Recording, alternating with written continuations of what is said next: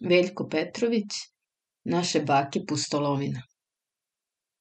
Naša baka je morala da umre pa da mi odrastemo, zapravo da preturimo mnogo što šta preko glave ili, što bi ona rekla, da udarimo nekoliko puta dobro glavom o zid i tek da saznamo i osetimo da je ona bila, Bog da je dušu prosti, žensko. Za nas ona nije bila ni stara ni mlada, već dobra – Ni muško, ni žensko, već baka. Ni lepa, ni ružna, već naša dobra baka. Nešto dobro, staro, po čemu se može gaziti i skakati. Nešto neosetljivo, kao one njene stolice, fotelje i kanabe od već neizvesnog prugastog ripsa izglavatim klinčićima od belog porcelana po rubovima, šavovima i rupama, utisnutim kao prstom u kiselo testo. A naši lepi roditelji, tata i mama, e, to je sasvim drugo bilo. I onako mali mi smo videli jasno šta su oni i jedno drugom i celome svetu. I kad su zajedno i kad su odvojeni, svi su se na njih smeše, dive im se i osvrću se za njima. I oni sami kad se obuku pre izlaska u svet, zastanu pred kapijom i gledaju se trenutak dva, a oči im zasijaju ili kad se vrate pa zalupe za sobom vrata, kao da odahnu. Uhvate se za ruke, kao mi kad hoćemo da se vrtimo i odjednom se zacene i zagrle. Na njih se nismo smeli uvek ni kačiti, ili što ne dadu da im ubrljamo delo, ili što ne dadu da ih punimo u njihovim razgovorima i mislima. I batina zaraditi od njih, ništa lakše nije bilo. A baki smo trzali maramu, skidali naočare, iskradali pletenice, klupko kotrljali ispod kreveta, pa nas samo kao tobože preteći pritisne podlanicom po temenu. A tu glavicu ne valjan. Ona je, na kraju krajeva, više ličila na njenoj debeloj, teškoj, crveno-beloj čaši na i ripsanoj fotelji. Tu smo čašu mi stalno vucarali svuda, upotrebljavali za pesak, piljke i bozu, Gađali je klikerima, spuštali niz drvene stepenice stavana i ništa joj nije moglo nauditi. A jednom smo je samo hteli tiho i neosetno da dignemo s bakinog stola, dok je baka dremucala nad jašinom patnicom, pa je dno ostalo na stolu. Bez udara i glasa čaša je prepukla. Ne možemo reći da nam nije bilo žao omiljene igračke, ali tek kasnije u takozvanoj viziji Uvidjeli smo da je to morao biti divan primjerak glačanog stakla za vitrinu. Tako i što se tiče onog njenog izverednog doživljaja, stotinu puta smo je moljakali i gonili da nam ga još jedan put ispriča. Stotinu puta smo zaustavljali i disanje samo da što jasnije čujemo i sebi predstavimo njen susret sa čuvenim, strašnim haramijom. To je bila priča o njemu, o hajduku Maksimu a me krvoloku, neustrašivome junaku. I tek sada, posle godina i godina, počinje da nam se izdvaja iz te priče i naša baka, magličasti i svetni nagovešte njene mladosti i ženske duše. Sve smo tačno upamtili kad o kakvim porodičnim pomenima i sastancima prepričavamo tu jedinu avanturu naše pokojne bake, mi sada već umemo da zamislimo i vidimo nju onako kakva je onda bila. Leta gospodnje 1866. devojka od 17 godina. Kći Starpaskog pope, a unuka Tanackovića, vladike Platona i Bačkog podžupana, hitala je ona u Varoš, u Sombor, na omladinski Majalis. Prijetno se ljuljkala u širokim kočijama na mekanom kožnom sedištu s pedirima sa prebačenim šarenim cilimom i s jastučićima pod laktovima i iza leđa. Ona je osjećala da lebdi u nekoj izvarednoj svetlosti, od zrelog, ali još nepresićenog predvečernjeg sunca, kojem je sjalo gusto jedarsko platno, lukovima svedenih letnjih arnjeva. Ona se osjećala kao u jednoj sobi, prosijanoj, a neodređeno dalekoj, što se sve više udaljuje od ljudi i posvećeno je samo njenim snovima. Bila je odvojena i od kočijaša.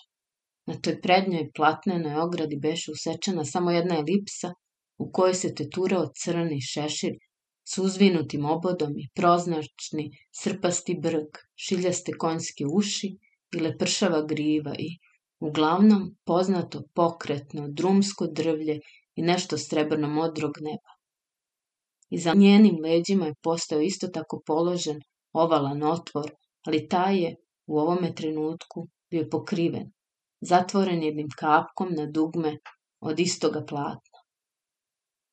S obe strane u arnjevima su bile ušivene torbe kao špagovi u kojima je stalno bilo po jedno debelo ogledalo s drškom od slonove kosti, kutija s pudrom, tegla s pomadama i kožne korice s bočicama lekova kapljica protiv protisli, grčeva, muke, glavobolje i protiv krvoliptenja i grumenje u Bešici, Mošuca, Izmirne i Santala. Sa sredine, s jednog rebra, lelujala je lamp u obliku ludaje, u gvozdenoj mreži od jakog stakla, te se pokretni petrolej činio nesrazmerno male. Na pobočnom sedištu iste veličine položeni su bili prtljazi i zavežljaji. Oni obli od drveta prevučeni zelenim platnom, a uivičeni svinjskom kožom i s mandalicama od medi. I oni, od pleda šotiš i od crvenkaste marame na granate. Između sedišta bilo je dovoljno prostora da se devojka po volji ispruži. Čak je po nekoliko puta ustala da ne bi zgužvala svoju laku kretonsku haljinitu, jer je i sama volela da se gleda u njoj a da ne iskoči iz zgužvana, znajući da je pred Atanaskovićevom kapijom, a možda već i na Starpaskom eđermu, čekaju kuzine i mladići, pesnici Đena Pavlović i Ognjan Grujić, juriste Đura Vukičević i Nika Maksimović, a možda i Laza Kostić. Ona ustade, prihvati sa strane krajeve od svoje široke suknjice, raširi još koliko je bilo moguće kao da u kadrilu pravi kompliment. Pažljivo sede i zagrada se u svoje prekrštene, bečke, safijanske cipelice. I sama sebi dođe kao cvet.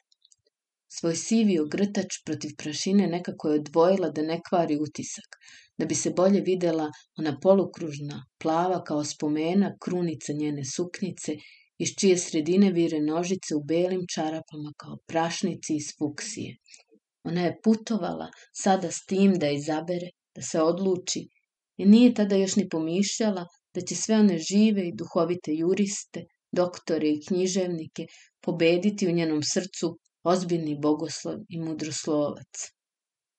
Učinilo joj se da se već dugo voze, čitav sahat, da će biti prevaljena već polovina puta, pa prionu da stegne svilene crne trake od cipela, dva puta obvijene oko članaka i one duge od modrog atlasa, kojima je široki obod sitnoslamnatog šešira bio stinjen oko lica pod samu bradu. Smešeći se rastresala je ona šeput s leve strane na vratu i osvežavala kitu svilenih majskih rumenih ruža na glavi, koje su bile zbijene i okrugle i sveže kao voće, kao dečiji obraščići. Ona se smešila u ogledalo, ispreda i s obe strane, Uživala je onim riđim, vrelim šljokama svojih crnih očiju. Nije prekidala mačkasto vivkanje, iako je jasno čula nekakav tuđi, tanan muški glas, na koji je opet odgovaralo poznato kočijaševo hrapavo mumlanje. O, stani! Šta je? Ko? Šta? Kuda? Kola su na prečac stala. Ona je još držala ogledalo u ruci i zvonila svojim uvojcima kada oseti da se s desna uklanjaju platnena vrata i neko se pomalja. Lepi ste, lepi ste, gospojice frajlice. Devojka spusti ogledalo i pogleda, više zastiđeno no uplašeno, u svetlo žute, mrežaste oči koje su sijale od nestašnog zadovoljstva što su je uhvatili u momentu ženske slabosti. U isti čas ona je primetila da je ovaj čovek seljak sa sličnim šeširićem kao i njihov Gaja, samo veoma sitna rasta, jer je skoro ceo stao u okvir toga otvora kroz koji otac ulazi samo pore barke. Neki gazda čovek, lovac, vrlo čist, sa srebrnim pucatima na prsniku i s dvostrukim novim kajšima preko grudi, kao lovci koji nose puške i torbe. Čovek je bio od onih što ostavi mladoliki dugo, jer mu je koža tanana, bela i na vilicama jako kao veštački rumena.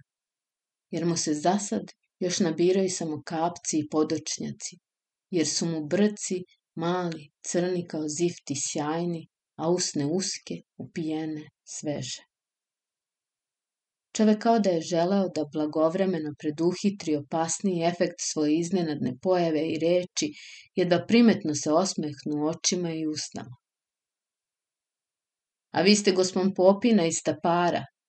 Hajde, hajde, sve u redu. Srećan put, frajlice.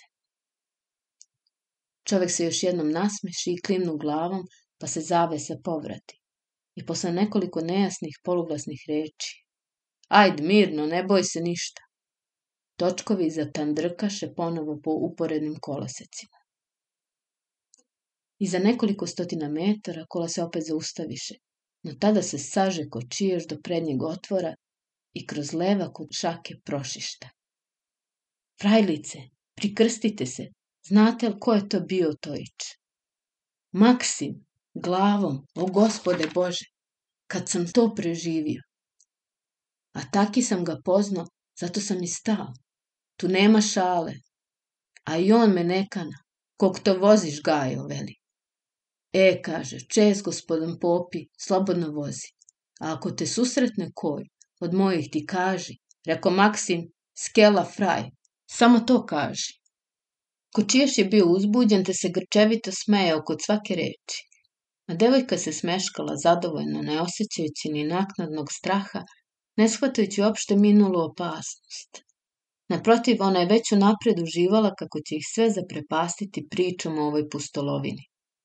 A da bude još zgodnije, ona će pričati mirno i jednostavno, kao da je navikla da se susreće s crnom maskom, Rinaldom, Rinaldinijem i Karlom Morom, jer na posledku ona ima načina da razbojnike obezoruža. Ali posledice njene priče, njenog doživljaja bile su drugčije i teže no što je ona zamišljala. Nju je razočaralo što ni porodica, ni kavaljeri nisu obratili pažnju na viteško ponašanje Maksimovo prema njoj.